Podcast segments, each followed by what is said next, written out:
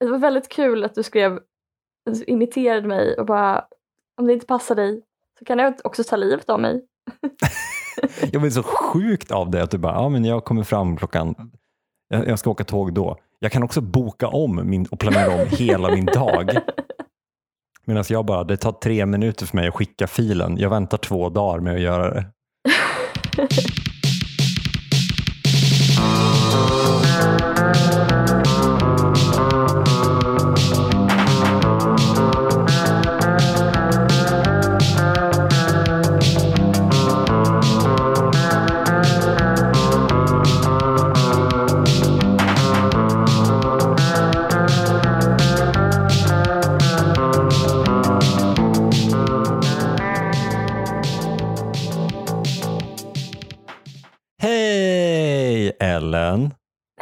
välkommen till Tusen saker. Podden där eh, det som är mest förberett är försnacket.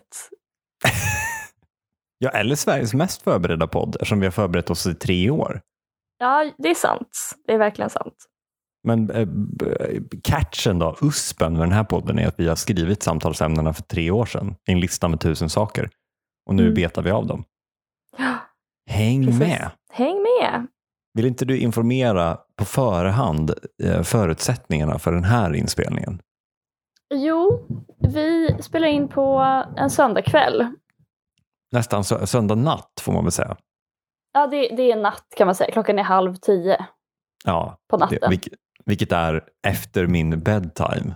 Ja, och du har varit eh, och sovit i skogen. Jag har eh, åkt tåg. Mm. Så vi är lite mörbultade efter dagens Nivån är där den är helt enkelt. Ja, Men jag tänkte rivstarta med eh, lite qu- quality content i form av att jag visar saker för dig och ska försöka syntolka det för våra lyssnare. Mm. Det är nämligen så att jag ska göra tänderna. jaha, alltså bleka. Nej, alltså Nej. göra tänderna, alltså vuxentandställning. Menar Så att, du eh, allvar? Har, du har inte haft anställning eller? Alltså jag blev erbjuden tandställning i 90-talets flum-Sverige. För att eh, ett barn måste ju få välja själv. Och valde Ja. då givetvis att inte ha tandställning för att jag ville ju också ha sex. Men likt ett barn som gammal. fick, fick, ja, precis.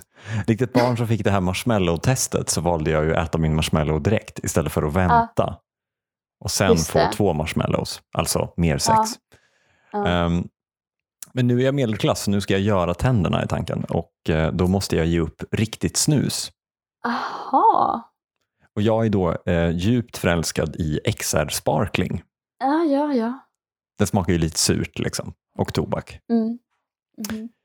Så då har jag gett mig in i den här magiska Gen Z-världen som är nikotinpåsar. För jag får nämligen fortsätta snusa, det får bara inte innehålla tobak som då kan brunfärga min tandställning. Ehm, jag vill då ha fejksnus.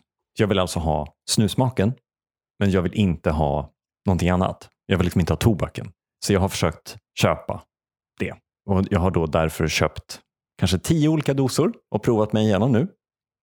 Som en sann, eh, perfekt neoliberal eh, prisjakt, utopisk medborgare. Exakt, Va, vad vill jag ha liksom? Och eh, jag har, vilket då innebär att jag har en stor mängd konstigt snus hemma. Jag, jag har också köpt så mycket snus att jag börjat få gratis snus. Ehm, så att jag har en absurd mängd snus. Ska se.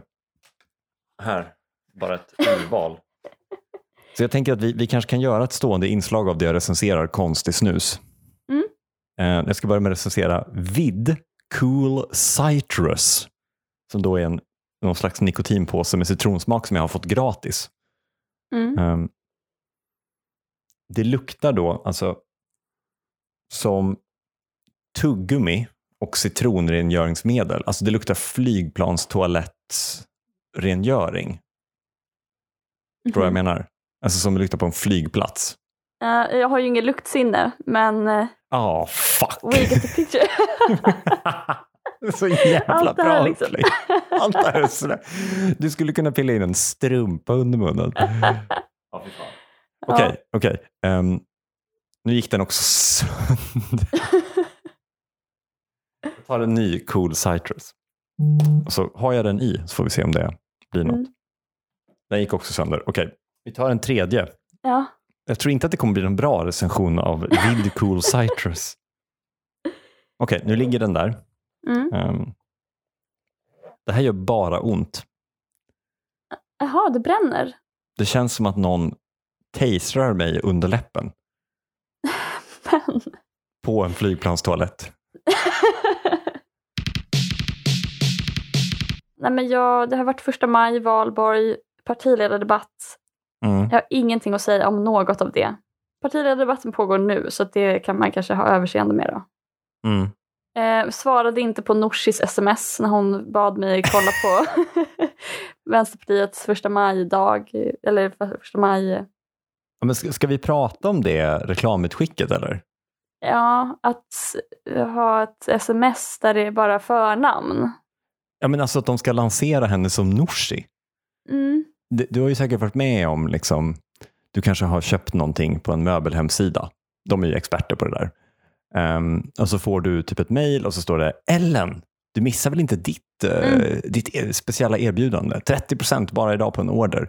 Mm. Ehm, eller du kanske någon gång har skrivit på någonting av Reformisterna eller Gud förbjude, vad hette de här um, Alliansfritt Sverige? Skiftet. Mm. Så skickade mejl från Jonas Mm, just det. där det kunde stå så här, till Kim. Um, re viktig fråga. Alltså så här, att det ska liksom vara sån riktig Nigeria-brevs liksom phishing-stämning. Ja. Grejen är att den taktiken fungerar ju. Alltså, det kan jag bara utgå från att jag alltså först har varit med i sådana kampanjer men också klicka på dem själv. Men jag röstar ju på Vänsterpartiet för att jag ogillar det. Mm. Och jag tror att det är ganska många som röstar på vänstern för att vi är gråsossar. Liksom. Mm. Skulle de vilja engagera oss så borde de ju snarare skicka en ABF-gubbe Mm. Som kommer och bjuder oss på, till ett seminarium. Typ. På sin höjd en pdf liksom, som är helt opersonlig. Någon tabell kanske som man kan kolla på. Lite staplar. En, men en cool graf. Man får så ett, ett brev som ser ut som att det är kopierat i en kopiator 800 gånger. Så att det är helt Mm. blekt och skevjusterat i marginalerna. Och så ser man att det typ är ihop, alltså det är någon som har gjort det i Word 95. Verkligen. Jag, jag, jag tror att det var just Vänsterpartiet som, som skickade ut ett mejl till mig ganska nyligen där det stod Ellen, visst hatar du också pedofiler? och sen så var det någon gång som Amnesty ringde upp mig och bara Ellen, visst vill du ha högre straff för våldtäktsmän? Och man bara, jag är inte med i Amnesty för att, liksom, jag är inte för högre straff. Jag är inte med i Vänsterpartiet för att jag hatar pedofiler. Alltså vad håller ni på med? Sluta, sluta ellena mig och pådyvla mig åsikter som jag inte har. Som en sån men jag tror att det är dags för liksom en motsatt du-reform för marknadsföring. Mm. De får gärna säga liksom fröken Theander. fröken Theander, visst är ni, nej, yrkar ni också högre straff? På pederasti. På valborg så satt jag ute på en uteservering med eh, några kompisar. Plötsligt så hör vi några som skriker som går längs med gatan. Det är två personer som i princip blir jagade av en, en man. Men gud, Så min impuls är att springa dit. Och det är flera andra som springer också efter dem. Men då har inte jag uppfattat kanske den här eh, tysta överenskommelsen som finns om att man när man ska springa till en eh, nödsituation så ska man springa liksom demonstrativt men inte så snabbt. Kanske. Man så här, jag är på väg. mm. Så då plötsligt hamnar jag där, kommer dit först. Och då så eh, ser jag att den ena, han som skriker och jagar de här, han är helt blodig i ansiktet. Och de här andra är också jätteobehagliga. Det är en kvinna och en man. Och kvinnan börjar, börjar klösa mot den här andra mannen som har blod i ansiktet. Åh herregud. Alltså de är liksom fullkomligt bindgalna allihop. Men då har jag sån tur för att jag hinner precis tänka att så här, gud, jag kan inte, det här klarar inte jag av. Och ska precis springa därifrån i princip. Ja. Men då står jag ändå där i någon slags med händerna utsträckta och stoppar dem från att attackera varandra. Och Ja. precis då kommer polisen från flera håll så att polisen så omringar oss Eh, och jag står som liksom en, ett helgon i mitten gud. med utsträckta händer bara stopp i lagens namn. och så kommer polisen med så här elpistoler. Det var lite töntigt då, att det inte var riktiga pistoler. Men Man är lite besviken. Det är ändå Sverige någonstans. Där, för, där förstördes alltihop. ja, de kommer ut med varsin batong. Kling och klang kliver av Exakt. varsin moped. Men vad hände då? Eh. Tasade de dig också? Nej men det var bara tur, alltså det var tur för mig att jag framstod i så god dager för hade det bara gått en sekund till så hade jag varit den som kubbade därifrån. Mm. Men nu blev du, Eh. nu, då måste jag tackat dig för att du var en god medborgare. Ja, men det var, alltså jag tror att det, det var mest jag som eh, sen i efterhand liksom ville göra ett stort nummer av eh, att jag hade varit då en hjälte. För sen så brottade de ner honom och, och sen frågade den ena polisen, var det någon som såg något? Och jag bara skred fram. Ja, jag var där. Du kanske såg mig? ja, ni kanske såg mig där i mitten. Nej men, eh, och han bara, ja, ja men, men såg du liksom när, såg du när de började bråka? Jag bara, nej. Han bara, ja men okej, men ja, okej, så du har inte sett någonting? Jag bara, nej. Punkt 52. Det stora matlådekriget. Om vi bara är fine med att alla stjäl varandras matlådor så funkar ju det. Men så fort någon försöker göra någonting åt det så blir det en brist eller ett problem. Men det kanske bara är jag som är privilegierad. Eh, ja, det här är ju en gammal punkt, eh, men jag känner att det här är fortfarande högaktuellt, i alla fall på min arbetsplats. Mm. För om du ena veckan tar fyra matlådor fast du har haft med dig tre och nästa vecka tvärtom, Mm. eh, och jag gör samma sak, då blir det ju liksom ett naturligt flöde. Men om du en dag bestämmer dig för att du kanske har fått för få matlådor och går in och plockar på dig, då faller ju hela systemet. Likaså om man försöker diskutera matlådekriget, Mm. kanske märka matlådorna eller något liknande. För då kanske personen som märker sin matlåda råkar ta din matlåda och då kan du inte ta den märkta matlådan. Så det här är ju liksom ett exempel på ett helt perfekt system som är självreglerande så länge Mm. människan inte försöker lägga sig i det. Mm. Och jag tror att det är här jag kommer ut som liberal. Mm. Att utan någon påverkan så fungerar det. Det är den osynliga handen. Precis, det finns ju ingen procent av matlådor. Det är ingens matlåda som är mer eller mindre värd, även om den kanske är sämre. Jag kanske bara tar med mig plastlådor medan min kollega kanske bara tar med sig glaslådor. Men lik förbannat kommer jag därifrån med fyra matlådor och han med fyra matlådor. Mm. Så att, um, nej, det här är ett felfritt system, men så fort um, någon försöker lägga fingrarna i blöt för att styra upp det, Mm. då faller alltihop. Det blir armod. Låt oss kalla en reglering av matlådekriget för det stora språnget. Mm. Man försöker organisera upp matförsörjningen så att den ska bli mer effektiv och Mm. kanske ha ett system som är reglerat, som går att mäta, som går att styra. Men eh, matlådemarknaden fungerar inte så. nej, nej. Utan det är fria aktörer, fria män som agerar efter sin egen bästa förmåga, sin egen Mm. bästa vilja. Mm. Eh, ja, det var egentligen bara det. Jag är för Intressant. en stark stat eh, i alla andra avseenden förutom när det kommer till matlådor. Ja. Där har marknaden skapat ett perfekt system som, som sossarna ska ge fan i. Ja, jag tänker att det är också någon form av kollektivism ändå, eller gemensamt ägande. Ja, Du tänker att matlådorna som är hemma hos mig är inte mina utan de är bara tagna från... Den gemensamma kassan av matlådor.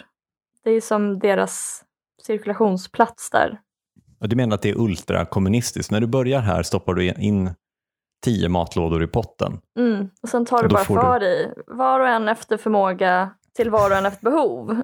Ja, det kanske inte går att mäta på en höger-vänsterskala. Det kanske är galtan det här. Punkt 550. Never forget Werner Aspenström. Med flera gubbar. Jag vill bara att alla i vår generation ska veta hur underbar hans dikt om 10 000 år är. Eh, istället för att enbart tänka på Frida Kahlo och Hilma af Klint, eller gud förbjude Louise Bourgeois. Eh, som av en händelse så står det framför en Hilma af Klint-affisch. Ja, Jo, men så är det ju. Kan inte du berätta om din relation till Hilma af Klint?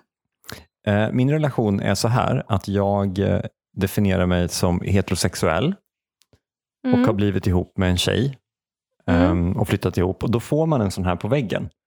På köpet? Ja, jag, har, eh, jag känner till Hilma af Klint för att jag har panikgooglat det på en, en fest med ehm, min tjej och hennes kompisar när de har pratat om hur bra hon var. Det här Mm. var alltså 2014. Mm. Ehm, Needless to say. precis. Sluta prata i taftologier. Det kanske var ett komplicerat skämt. Det betyder att man säger något, alltså man, det är så kaka på kaka. Behåll allt det där. Du äger mig med att kritisera min konst, sen drar du ett skämt som jag inte förstår, som du sen också förklarar. Nåväl, jag ska bestå här och dricka min Falcon och snusa. Ja, men, men det är bara intressant för att jag, min bild är att folk har en mycket närmare, en, en bättre uppfattning om vem Hilma af Klint är än vem eh, till exempel Anders Zorn nu som har varit aktuell. Har du, har du sett att ett Nationalmuseum har en Anders Zorn eh, utställning till minne Mm. av att det är hundra år sedan han dog? Mm. Valerie Tjejone Backström skrev en eh, recension av den som inleddes med att hon aldrig har gillat Anders Zorn. Hans dalkullor, hans frodiga kvinnokroppar och hans bilder av svensk sommar fyller mig med en olust lika stor som den vällust de tycks generera hos mina blonda vänner. De som med sentimentala ögon pratar om sommarnöjen och midsommaraftnar, fäbodar och bygdegårdar. Eh, är det här en gemenskap du är invigd i? Det här, Mm. Den här gemenskapen kring Anders Zorn som alla tydligen... Nej, men jag tror väl att Anders Zorn är väl lite som eh, Hilma af Klint i det här fallet. Att man, eh, man har en kompis som har ett sommarställe och, och då får man en sån där, alltså en Zorn, en Zorn-plansch. Typ. Det är väl lite som att så alla eh, svenska sommarstugor har liksom ett utedass med en konungatavla på. Jaha, gud! Ja, så är det kanske. För vi har ju försökt återskapa det i vår stuga nu, eller vi och vi, jag har försökt återskapa någon slags blond blåögd barndom genom att släpa dit grindslanten och gammal feskargubbe Ah. och hänga upp. Liksom. Just det, Grindslanten är en tidning eller? Nej, grindslanten är ju de här pojkarna som bråkar om en peng. Jaha, Det är ju ja. den, gråtande barn Ja, och gammal feskargubbe som är arbetarklassens tre affischer. just det. Eller var när vi växte upp. Snyggt. Okej, ja, det är möjligt att det är så. För jag, min bild är att det finns ingen gemenskap kring Anders Zorn. Jag gjorde till och med en liten undersökning när det här var, det här är ju liksom två veckor sedan den här debatten, det är liksom Mm. som vanligt inaktuellt. För då frågade jag eh, min kompis som är konstnär, Mm. har du någon relation till Anders Zorn? Då svarade hon eh, nej, förvånansvärt lite. Såg att han var omskriven i tidningen och aktuell på Nationalmuseet. Sen frågade jag en annan kompis som är, har pluggat konstvetenskap. Mm.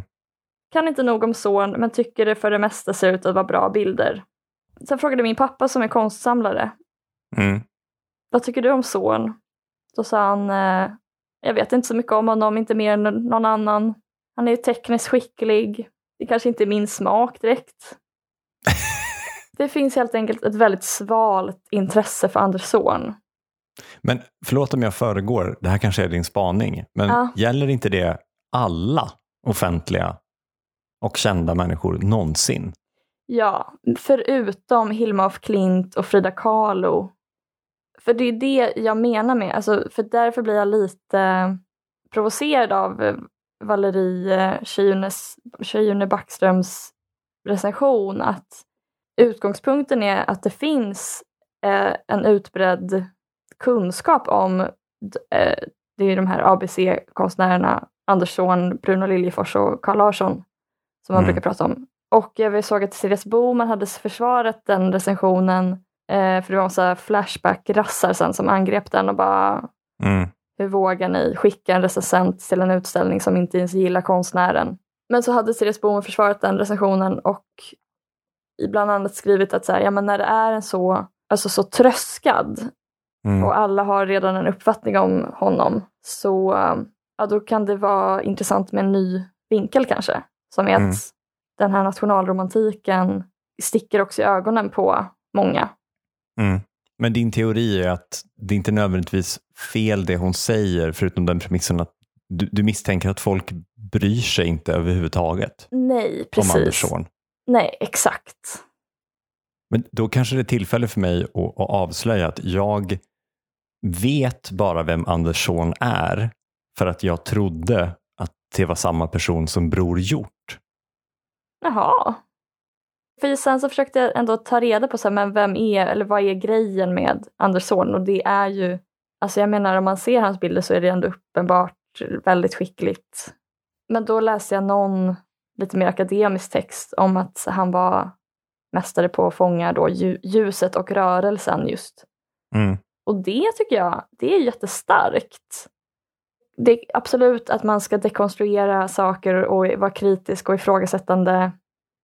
Men i många fall tror jag inte ens att det finns någonting att dekonstruera nästan, för jag tror inte att det är, finns i det allmänna medvetandet att Zorn är ljuset och rörelsens mästare. Mm, mm, mm, exakt. Och det kan jag tycka är synd då att så här, det finns tio barnböcker om så här, hundra coola kvinnor som förändrade historien. Mm. Typ godnattsagor för rebelltjejer. Eh, och, men då är det plötsligt, alltså vår generation känner bara till de här eh, outlierserna. Det, det, det är som att vi känner till undantagen och vi, vi kan vara kritiska Mm. men vi vet inte knappt vad det är vi är kritiska mot. Vi vet inte vad som är... Alltså den här punkten då börjar med Werner Aspenström. Inte för att han är i samma... Han är inte känd på den nivån som Anders Zorn. Mm. Jag bara tycker att det kan vara... Det, man kan bli lite förblindad av, i sin iver att dekonstruera eller ifrågasätta makten eh, och någon slags rådande konsensus. Men, men vad är det ens? Man kanske ska känna till det också.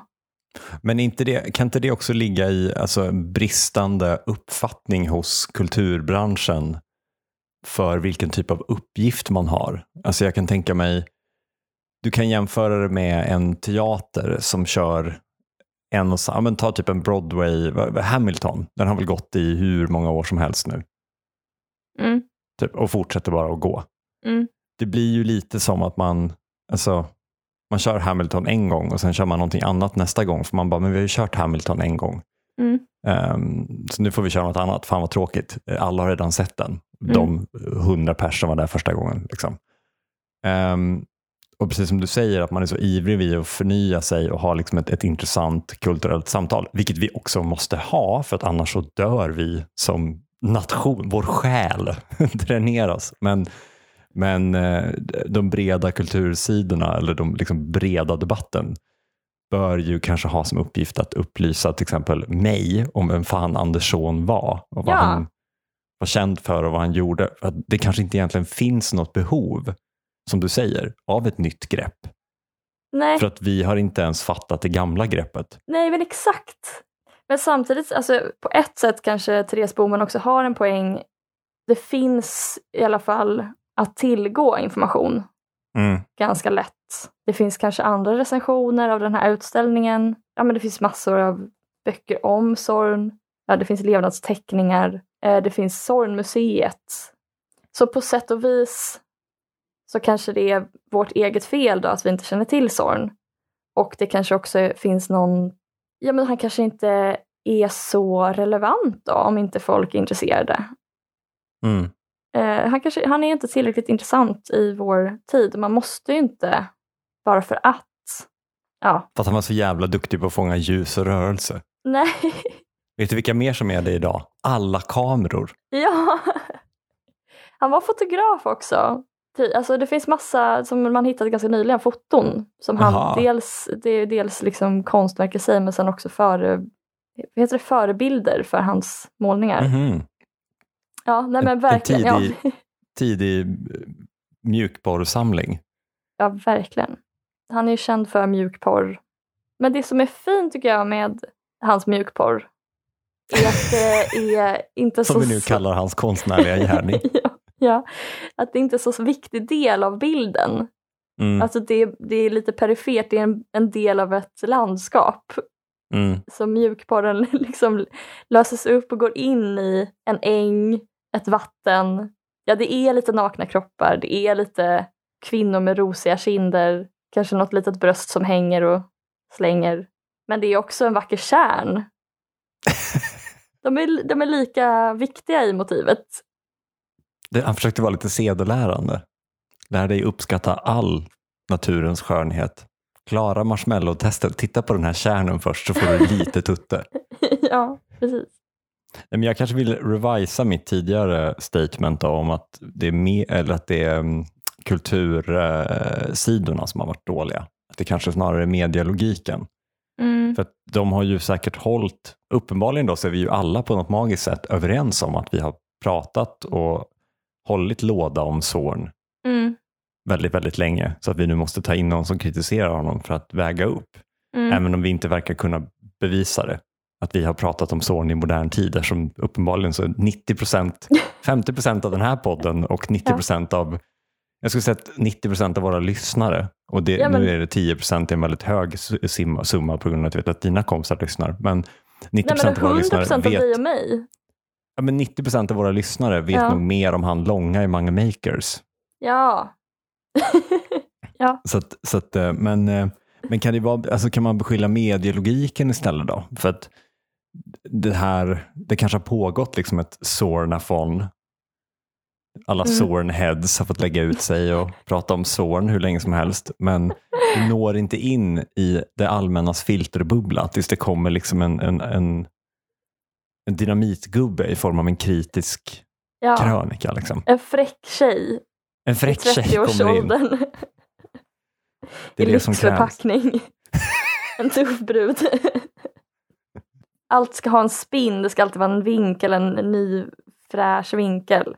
Men ibland så, alltså man ska i första hand ska gå på typ vad är sant? Mm. Vad är sant om Anders Zorn?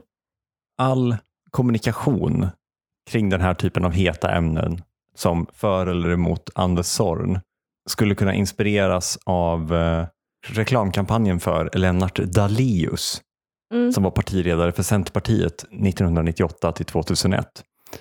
Han eh, var helt okänd och ansågs allmänt som väldigt ointressant men skulle då bli partiledare så man behövde eh, branda honom. Och då gjorde man bara en kampanj där man tog en stor bild på honom och så skrev man under det här är Lennart och tryckte upp överallt. Mm. Och precis som du säger då, det är ju vad är sant om Lennart? Ja, han heter ju Lennart. Och kanske kan vi göra samma sak med Anders Zorn. Nationalmuseum gör en kampanj som är det här är Anders. Bild på Ja. Anders Zorn. Och sen kan vi jobba därifrån. Alltså, du tänker på så grundläggande nivå? Att han heter Anders i förnamn? Alltså jag trodde ju att han hette Bror Hjort. Ja, just det. Så jag tror vi ska börja någonstans.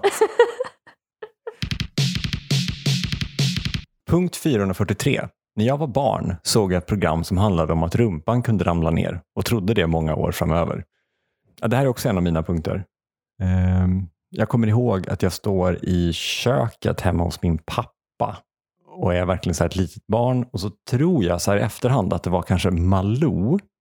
Det var väl inte Malou då, men motsvarade sån 10-11 tv Mm. eller typ Nyhetsmorgon. Ehm, och så var det med en kvinna där som var någon form av liksom träningsinstruktör och så var det en kvinnlig programledare och så pratade de om att rumpan ramlar ner. Alltså, och, då, och, då ska man göra några så här träningsövningar som de visade, bland annat när man står typ och håller i en stol och sparkar bakåt. Mm. Ehm, och det där fastnade hos mig i väldigt många år. En rädsla för att min rumpa en dag skulle ramla ner för att de här kvinnorna var så rädda för det här.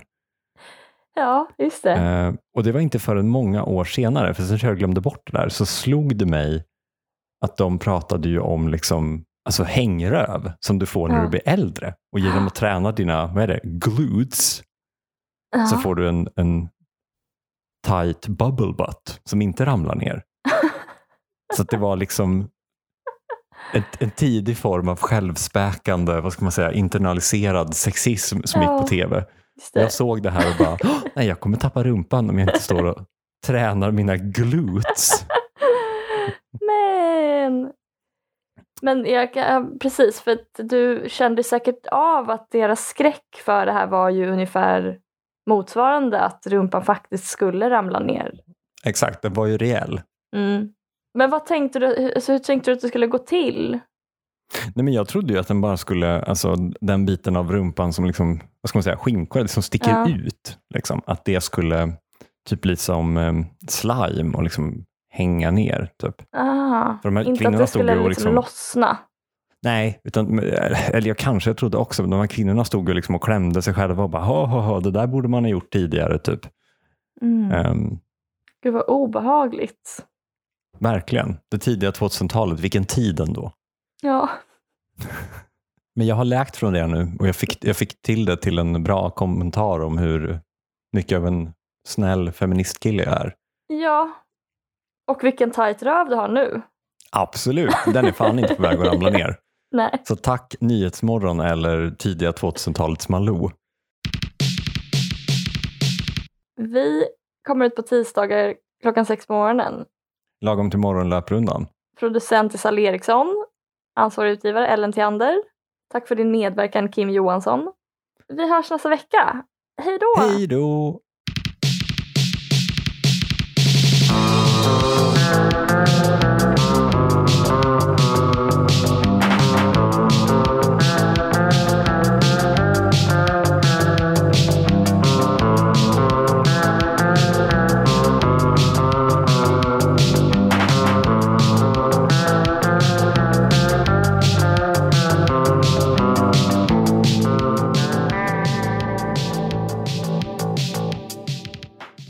Jag kan läsa upp Verner Aspenströms dikt.